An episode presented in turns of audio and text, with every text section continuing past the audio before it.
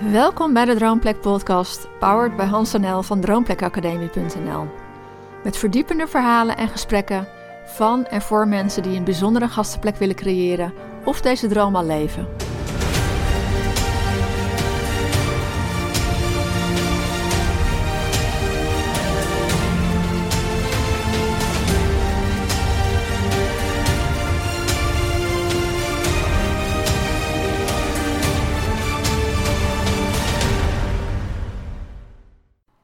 2012 schrijven we ons boek Het geheim van de berghut over de eerste jaren van ons vertrekavontuur. Dit boek hebben we in delen voor je ingesproken, zodat je er overal naar kunt luisteren.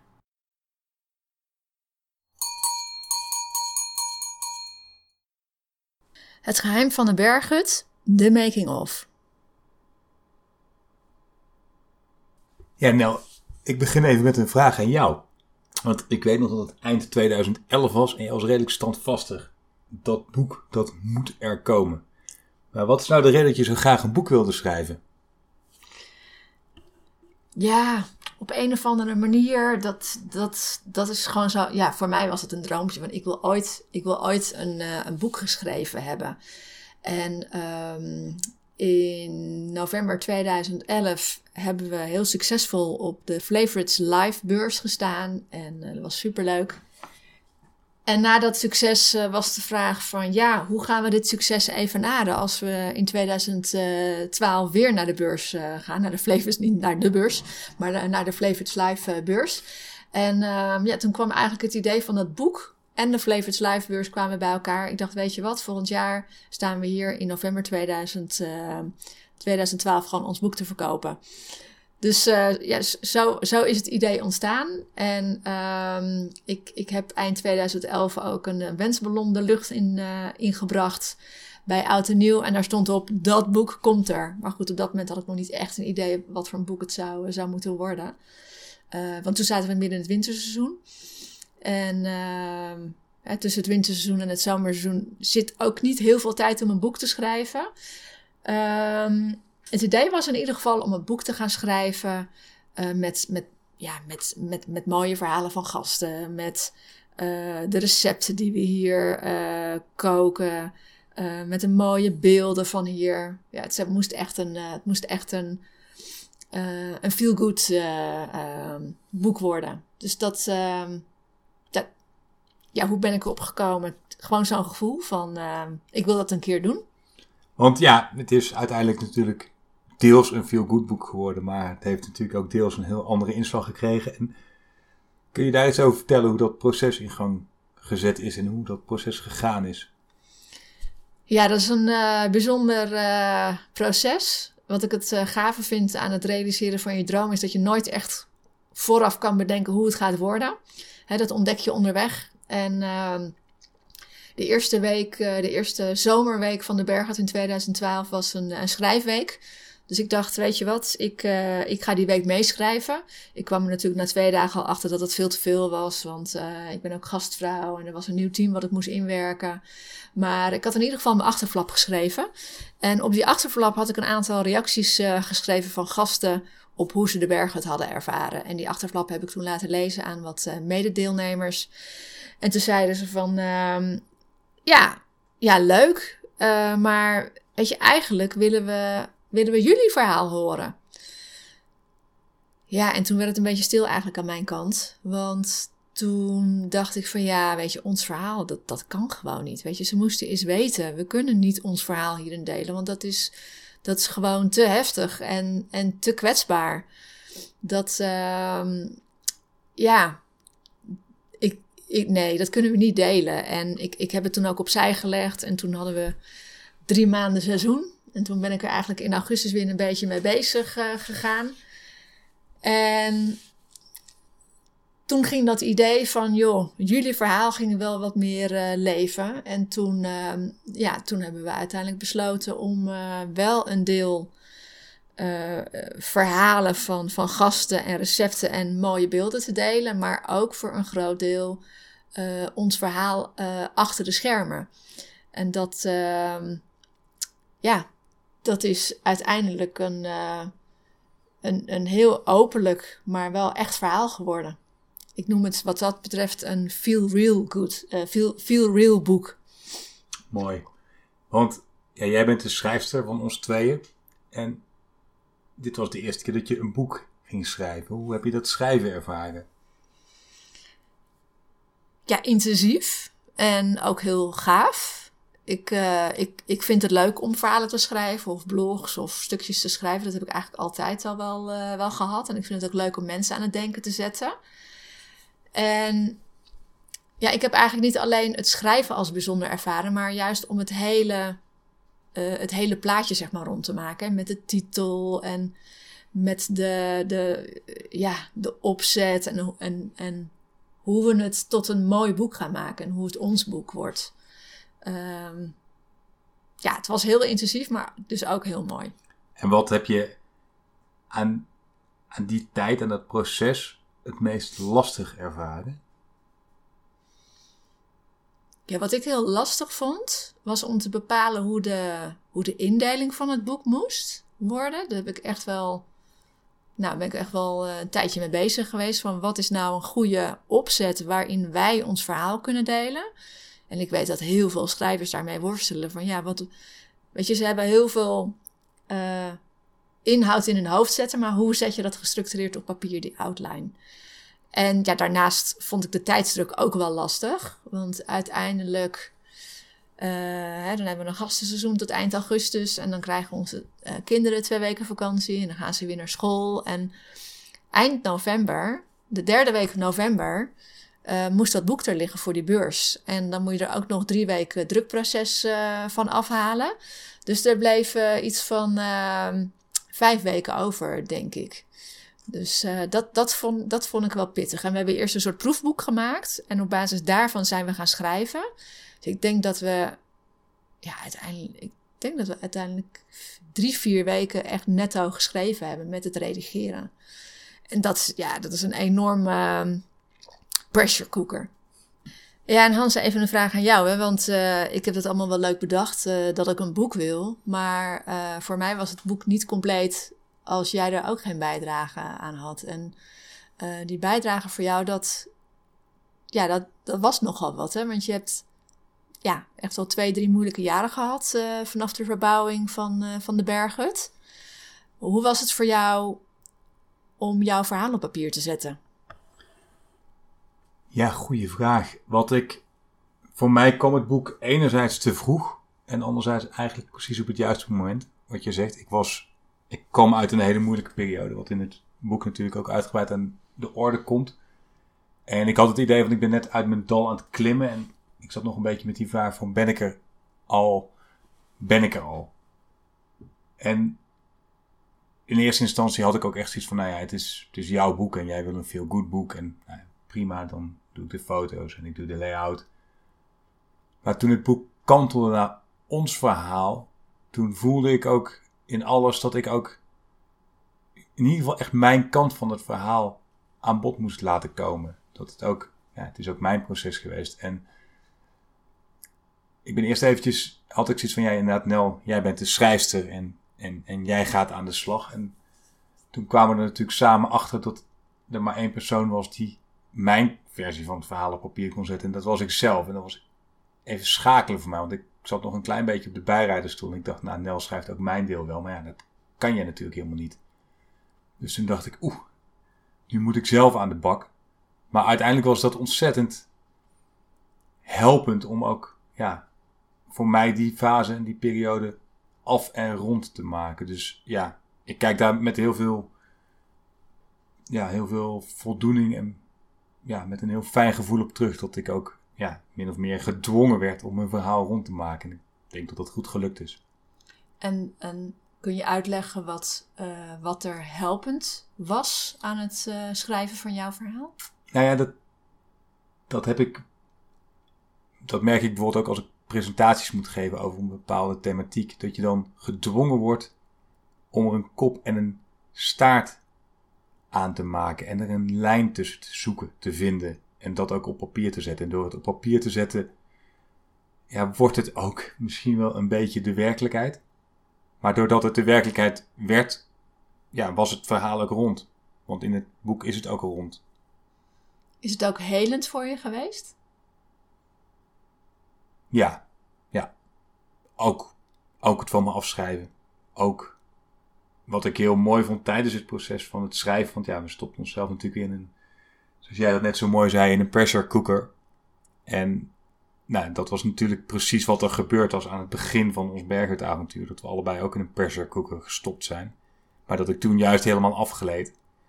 En dat ik toen drie jaar later, tijdens het schrijven van, die boek, van het boek, min of meer in een soortgelijke situatie, maar weliswaar veel ja, ietsje kleiner en ietsje beter behapbaar, gestopt werd. En dat ik merkte dat er bepaalde zaken tussen ons beter gingen. Dat ik misschien niet altijd wegbleef uit mijn irritatie, maar in ieder geval in staat was om daar eerder uit te komen. Dat ik niet weggleed.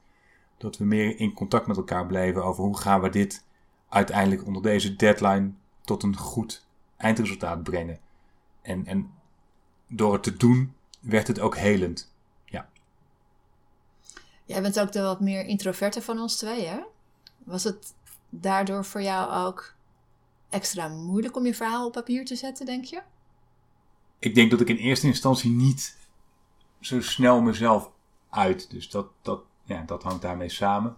Dus dat ik niet uit mezelf heel snel gezegd zou hebben: ah, tof, ik ga een boek schrijven. Ehm, toen we eenmaal in het proces zaten en toen ik eenmaal ook mijn deel scherp had over wat ik wilde brengen, wat ik daar wilde vertellen. Nee, dat verhaal had ik scherp in mijn hoofd. Daar heb ik natuurlijk alle tijd voor gehad om over na te denken in die twee jaar. Ik, had, ik, ik, ik weet waar het begon, ik weet waar het eindigde, ik weet welke zaken daar tussendoor gebeurden en wat ik daarover op papier wilde zetten. Dus toen ik eenmaal aan het schrijven was, ging dat heel goed. Wat vond je het meest spannende of het meest moeilijk om te delen? Wat ik het meest spannende vond, twee dingen denk ik. Enerzijds toch wel het stuk over de brief die ik van jou kreeg en de, ja, toch wel dat, dat openleggen van, ja, weet je, de, onze relatie, dat die echt langs, een, langs de afgrond is gegleden. En anderzijds dat ik mezelf in al mijn openheid liet zien dat ik mezelf gewoon kwijt was geraakt en kwijt was. En dat ik gewoon in een ontzettend diep dal heb gezeten waarin ik mezelf niets anders dan heel zwak heb gevoeld. En om dat aan de buitenwereld te laten zien, ja, dat was wel een hobbel. Ja. ja. En wat, je, vond jij, wat vond jij het meest spannende? Wat vond ik spannend?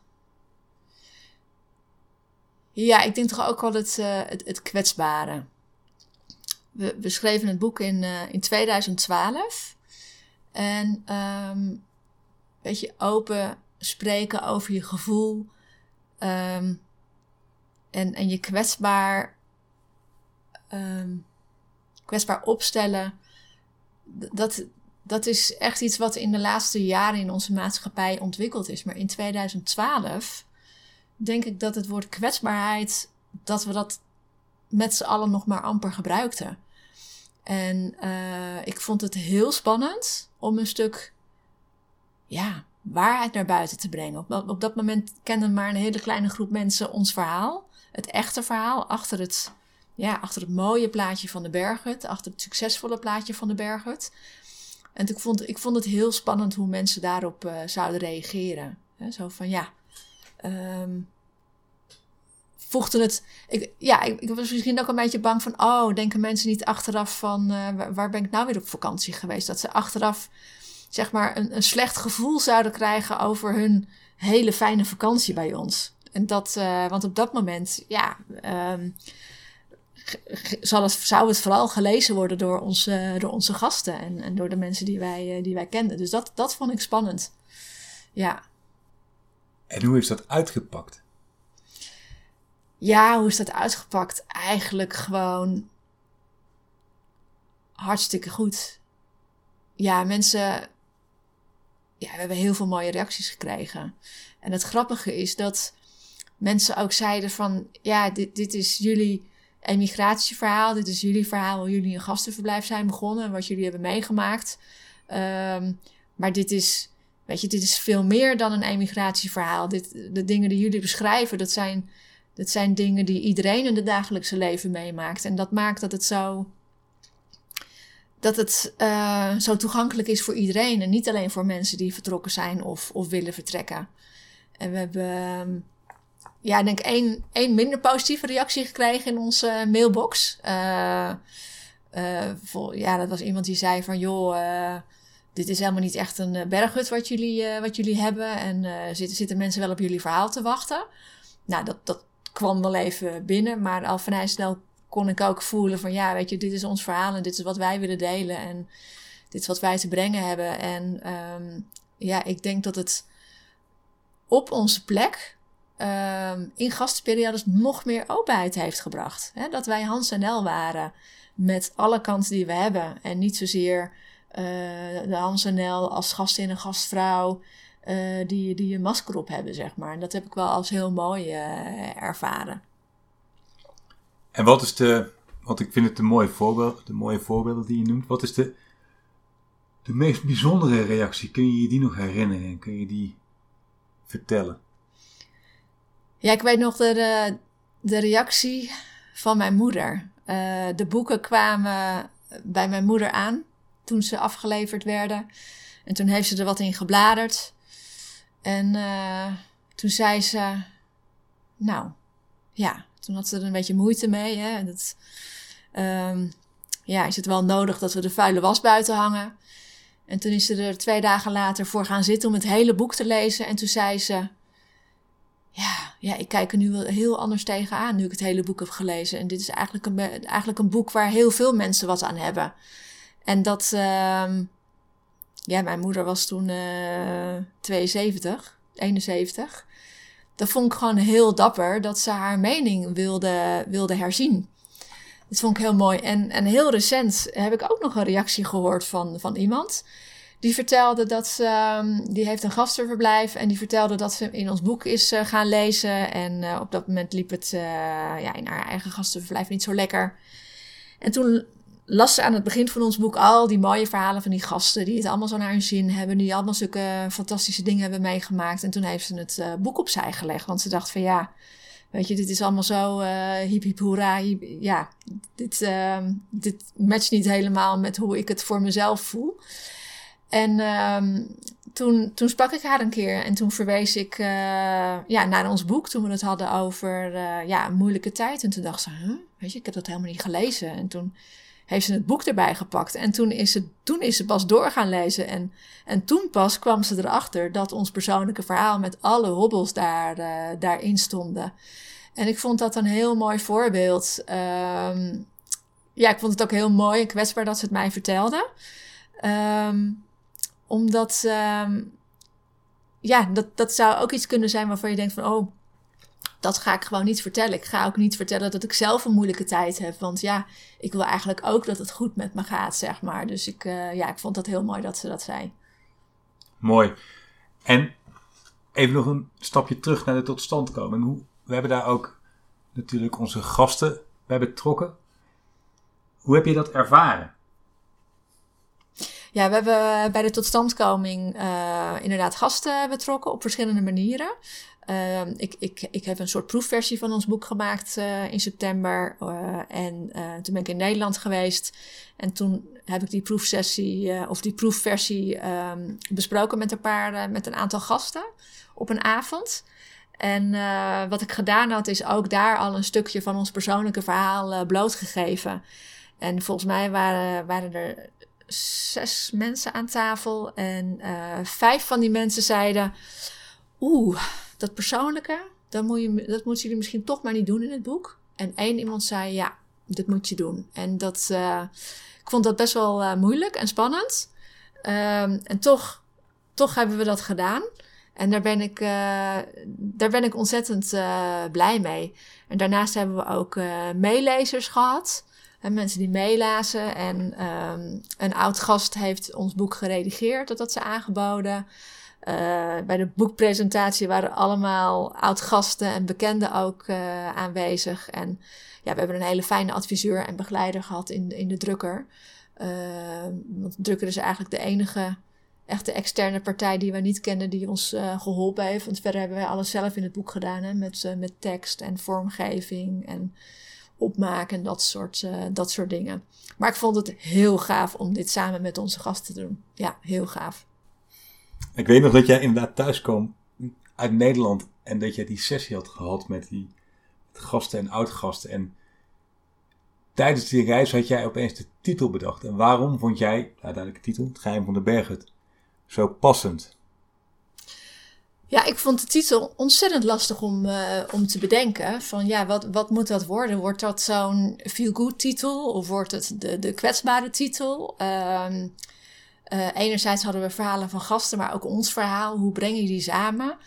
En um, ja, toen kwam ik opeens op het. Uh, ik, ik weet niet meer precies hoe ik daarop kwam, maar ik kwam opeens op, op het woord uh, geheim. En toen dacht ik, ja, dit is het. Want er staan eigenlijk twee geheimen in ons boek. Enerzijds het, het geheim van onze. Uh, het geheim van, van de berghut. Van wat maakt, wat maakt de berghut zo bijzonder voor gasten? Hè? Wat, um, ja, wat maakt dat ze daar graag komen? Hè? Zo heeft ieder zijn eigen visie daarop waarom die bij ons graag komt. Um, en anderzijds, het, het geheim wat wij toch wel een paar jaar lang met ons meegedragen hebben. Het geheim van achter de schermen, wat wij, wat wij niet lieten zien. En ja, ik vond het zo mooi dat het geheim van de berghut uh, beide verhaallijnen bij elkaar uh, bracht. Ja, hoe kijk jij eigenlijk terug op de totstandkoming van het boek, Hans? Het was echt een ontzettend intensieve periode. En wat ik toen straks ook aangaf, het was helend, het was leerzaam. En het heeft me geholpen die periode rond te maken. Aan de andere kant heb ik ook tijdens het proces af en toe wel gedacht van... Wat doen we onszelf aan? We hebben net het zomerseizoen achter de rug. 14 weken knallen. We hadden weer een drukke winter voor de boeg. En normaal was die periode tussen zomer en winter echt wel bedoeld om even lekker bij te komen. En ja, zoals wij het zelf altijd zeggen, of in ieder geval ik, leuke dingen te doen. Um, en dat was dit tussenseizoen hebben we echt geknald. Dus, maar wat, waarbij ik dat ook echt als heel erg positief voel als ik eraan terugdenk. Want het was echt heel erg leuk met z'n tweeën om dit samen te creëren en dit product neer te zetten. Dus ja, ik, ik weet dat ik toen af en toe dacht van, waarom doen we onszelf dit aan? En ik weet, dit is in ieder geval echt wel een periode waar ik op terugkijk met heel veel plezier en zo'n glimlach van, ah, lachen dat we dat toen hebben neergezet in die korte periode. Ja, want hadden we het hadden we het soms niet beter uh, een, jaar later uh, kunnen doen of, of in delen? Hè? Dat, we, dat we bijvoorbeeld in het voorjaar verder uh, waren gegaan. Hoe kijk je daar tegenaan? Ja, jouw vraag bevat twee onderdelen. Eén van hadden we het een jaar later gedaan. Ik denk dat een deel van de emotie die je leest in het boek en die ik ook weer voel als ik het inspreek en als ik het boek zelf lees, die was echt het meest intens op dat moment. De wond was net geheeld. Maar laat ik het zo zeggen, de korst zat er bij wijze van spreken nog op. Dus dat voelde ik nog op dat moment. Dus die emotie, die voel ik zelf ook terug als ik nu het boek teruglees. Een jaar later was, was het misschien een litteken. Maar was het niet meer zo aanwezig geweest. Dus ik denk dat de timing perfect was. En ja, hadden we het in tweeën gesplitst. Ja, dat. Ik denk dat wij.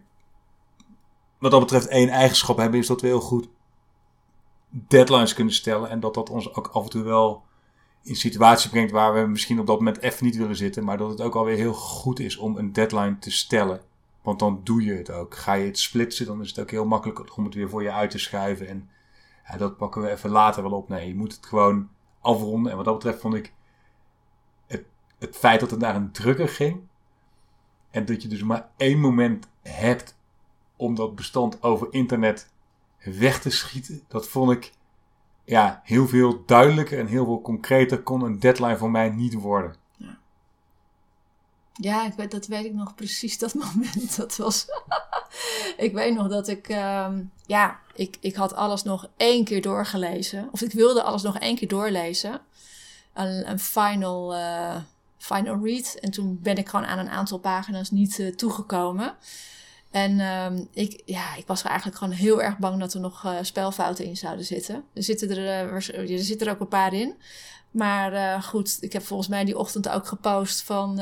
oh jee, stel je voor dat er nou nog spelfouten in zitten. En toen reageerde er iemand van... In elk Persisch tapijt zit een weeffout om de, de imperfectie van, van mensen te vieren. Ik, ik weet het niet helemaal in de juiste bewoordingen, maar in ieder geval die opmerking die gaf mij wel een soort van rust. Weet je wel, van oké, ja, hoe erg is het eigenlijk dat er een spelfout in een boek zit, weet je. Maar omdat het gedrukt is, ja, kan je het niet meer veranderen, hè. Ja. Dat voelt echt alsof het dan uh, vast ligt. En hoe kijk jij terug op die totstandkoming, Nel?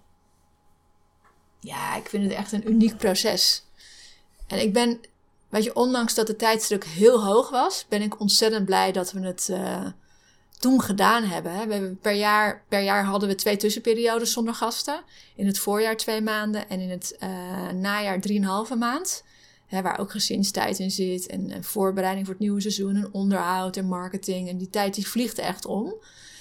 Um, ja, gevoelsmatig had het niet anders kunnen zijn dan in, dan in die herfst. Weet je, toen was het ook nog uh, vers. Um, ik vond het ook uh, heel heftig, want ik weet nog dat ik.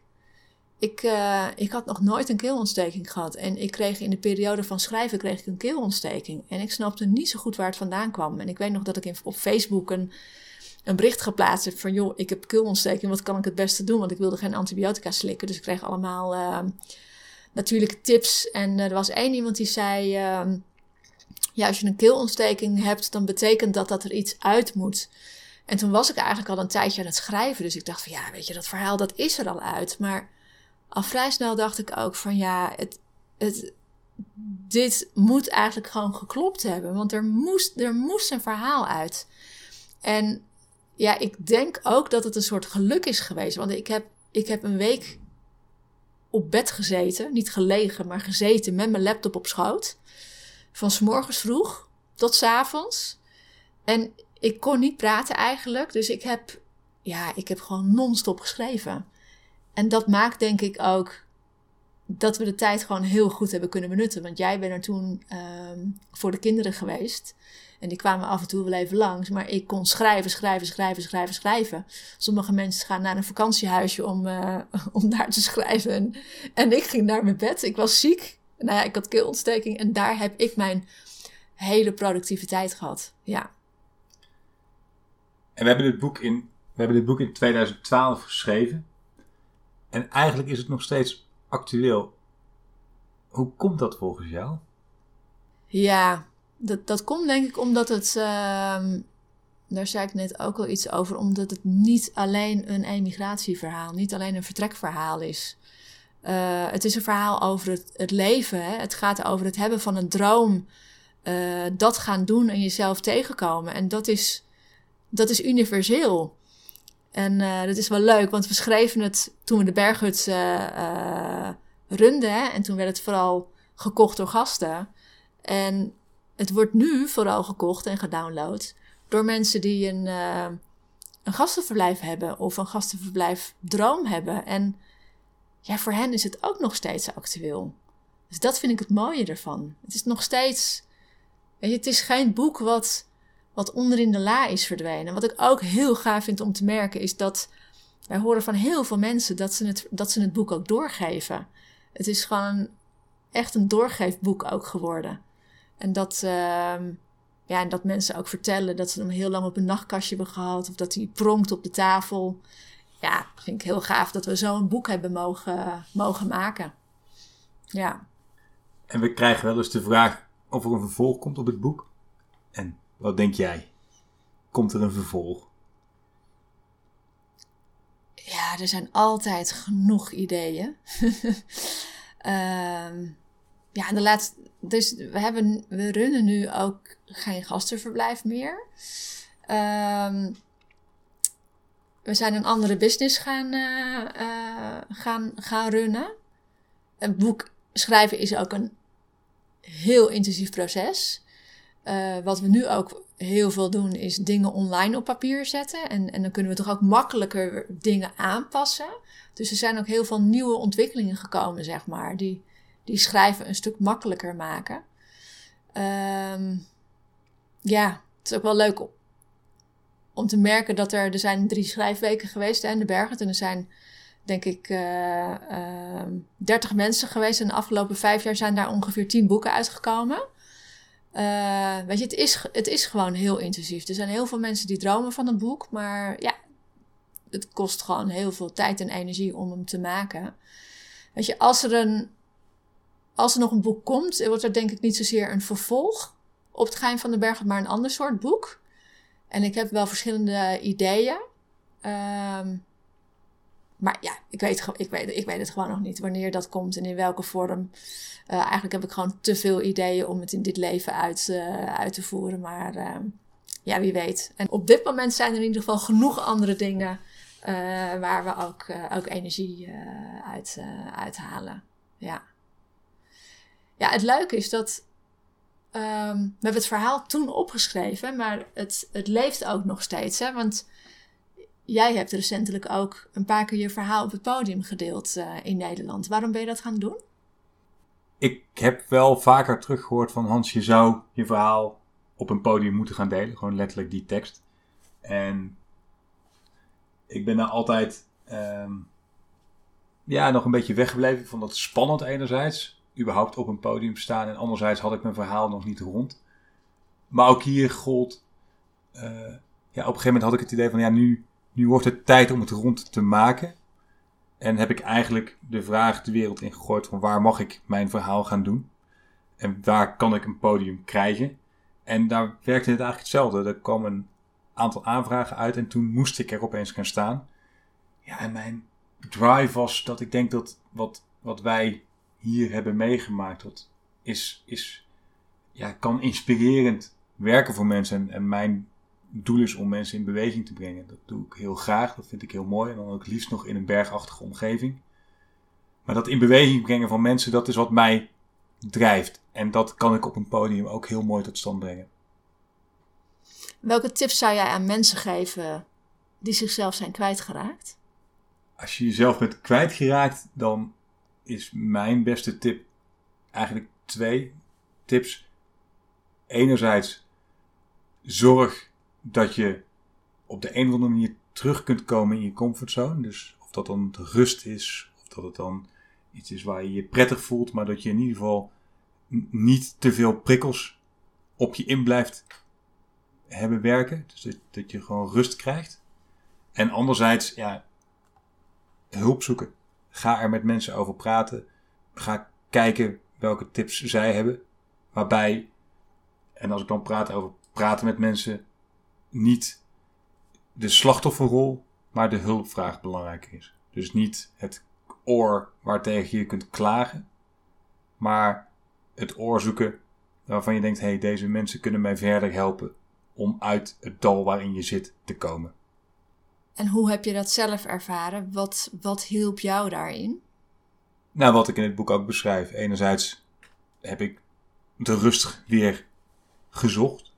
Zoals ik het in het boek ook beschrijf. En ik was echt toe aan even helemaal niets. En ik had er ergens in mij was er nog iets wat zei. En als je dan helemaal niets hebt en rust hebt, dan komt er wel een doorgang. Dat enerzijds. En anderzijds zijn er natuurlijk mensen die me geholpen hebben op verschillende manieren. Jij hebt me geholpen. Andere mensen hebben me geholpen. Maar pas toen ik het echt ging delen en echt mezelf liet zien. En niet vanuit een slachtofferrol, maar vanuit ik wil geholpen worden ik wil verder, kwam die doorgang. We hebben het boek nu ingesproken. De afgelopen vijf jaar hebben we het boek ook niet meer gelezen in zijn geheel. Hoe was het voor jou om het boek in te spreken? Ik vond het best heftig om het weer terug te lezen. In detail. In het detail waarmee we het destijds beschreven hebben en waarmee we het de wereld hebben ingegooid. Want in mijn hoofd ja, waren er toch ook alweer dingen weggezakt gesleten. Ja, op bepaalde punten ook wel hadden een iets andere wending gekregen.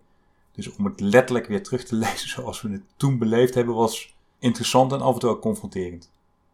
Waarop natuurlijk de logische vraag is: Hoe was dat voor jou? Ja, ik vond het in eerste instantie heel spannend.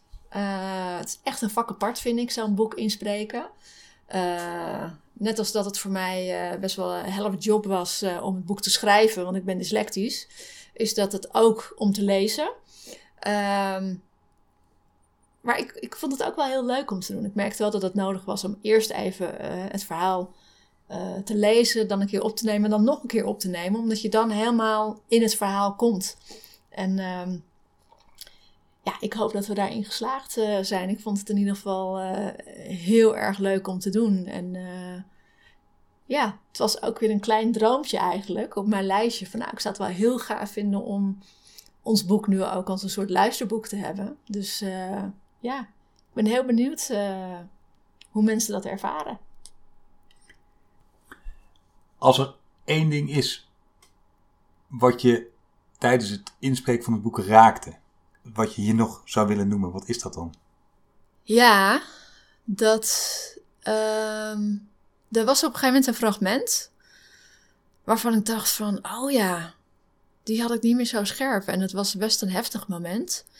Het was uh, eigenlijk het moment dat, uh, um, dat ik het gevoel had uh, dat ons kwetsbare achter de schermen verhaal op straat kwam te liggen. En dat vond ik heel moeilijk. Dat ging een beetje ehm, ja, buiten mijn, uh, buiten mijn wil om, zeg maar. Of in ieder geval, ik had, er, had er niet de controle over dat het gebeurde. En dat vond ik, uh, dat vond ik, uh, dat vond ik heel lastig. Ja, maar ik vond het ook wel weer mooi om te lezen. Ja, ik ben heel blij dat we het toen geschreven hebben en dat we het nu ingesproken hebben. En ik, ja, ik hoop gewoon dat mensen ervan genieten. Als je wil reageren of vragen hebt, uh, laat het ons gerust weten op uh, info.droomplekacademie.nl.